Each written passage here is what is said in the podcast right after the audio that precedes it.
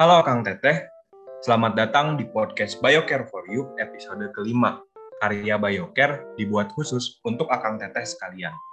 Podcast Biocare for You ini siap menemani Akang Teteh beraktivitas, baik itu di rumah, di perjalanan, atau di mana pun Akang Teteh berada. Jadi dengerin sampai akhir ya. Perkenalkan, aku Rizky dari Biologi Angkatan 2019 yang bakal nemenin Akang Teteh di podcast episode kali ini. Akang Teteh sadar gak sih kalau waktu tuh berjalan cepet banget? Rasanya kemarin kita baru masuk kuliah semester ganjil, ternyata sekarang kita udah di pertengahan semester. Pernah merasa bersalah nggak sih? Karena waktu yang kita punya belum kita pakai secara maksimal dan terbuang sia-sia begitu aja.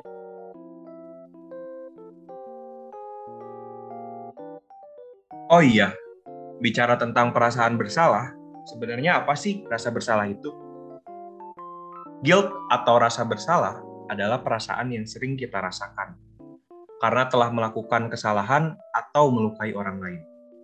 Perasaan ini biasanya muncul kalau kita gagal memenuhi ekspektasi kita terhadap diri sendiri. Meskipun kedengarannya rasa bersalah ini hal yang buruk, tapi sebenarnya punya peran yang baik loh.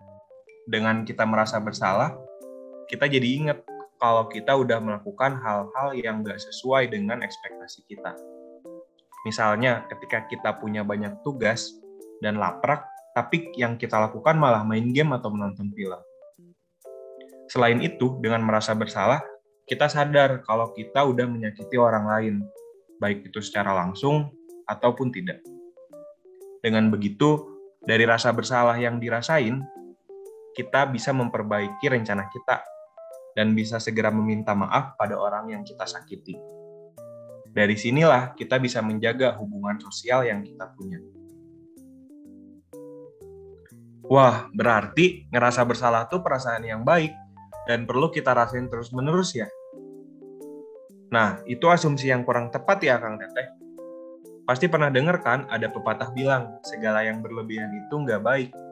Sama dengan rasa bersalah, Kang Teh. Misalkan, kita merasa bersalah akan suatu hal. Rasa itu nggak hilang-hilang dan jadi toksik untuk mental health kita sendiri. Rasa bersalah yang berlebihan itu ngaruh kedua hal penting dalam hidup kita. Kebahagiaan dan hubungan. Kita yang terus kepikiran akan rasa bersalah itu, akhirnya nggak bisa fokus dan jadi ganggu aktivitas kita. Parahnya lagi, rasa itu bisa bikin kita merasa nggak pantas melakukan hal-hal yang menyenangkan untuk sekedar bikin diri kita merasa bahagia. Selanjutnya, setelah kita merasa bersalah berlebihan sama orang lain, biasanya rasa bersalah ini bisa mengganggu komunikasi kita sama orang tersebut. Bukannya menyelesaikan masalah, kita malah menghindar untuk berkomunikasi sama orang itu. Bahkan bisa-bisa kita nggak mau bertemu dengan orang tersebut. Loh, terus gimana dong kalau udah ngerasa bersalah sama orang? Dan rasa itu nggak hilang-hilang apa aku bakal terkena mental illness? Tenang-tenang. Di sini aku bakal kasih tahu Akang Teteh beberapa tips untuk mengobati rasa bersalah. Yang pertama, memaafkan orang lain. Cara ini tuh cara yang paling berpengaruh untuk mengusir rasa bersalah kita ke orang lain. Nah uniknya, ucapan permintaan maaf ini ada rumusnya Kang Teh, supaya permintaan maaf kita lebih efektif. Rumusnya tuh adalah, yang pertama, pernyataan menyesal atas apa yang terjadi. Yang kedua, statement maaf dengan kata yang jelas. Yang ketiga, ucapan permintaan maaf. Dan yang paling penting, semua itu harus kita sampaikan dengan tulus. Misalnya, waduh, maaf banget ya teman-teman. Aku lupa kalau hari ini kita ada rapat. Aku nggak enak nih sama teman-teman yang udah nunggu. Maaf ya, semoga teman-teman mau maafin aku. Nah, setelah itu, harapannya orang lain akan mengerti dan memaafkan sesegera mungkin. Jadi kita nggak akan terus-menerus merasa bersalah. Yang kedua, ada memaafkan diri sendiri. Selain meminta maaf kepada orang yang kita sakiti, kita juga perlu berusaha memaafkan diri sendiri. Memaafkan diri sendiri itu membutuhkan proses.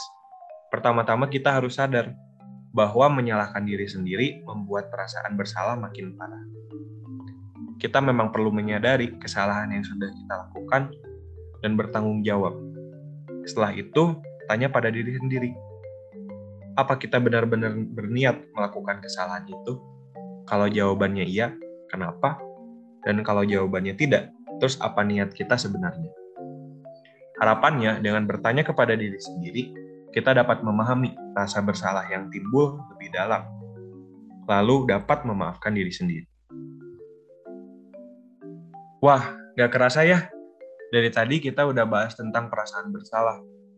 Yang mana rasa ini tuh sering banget kita rasain.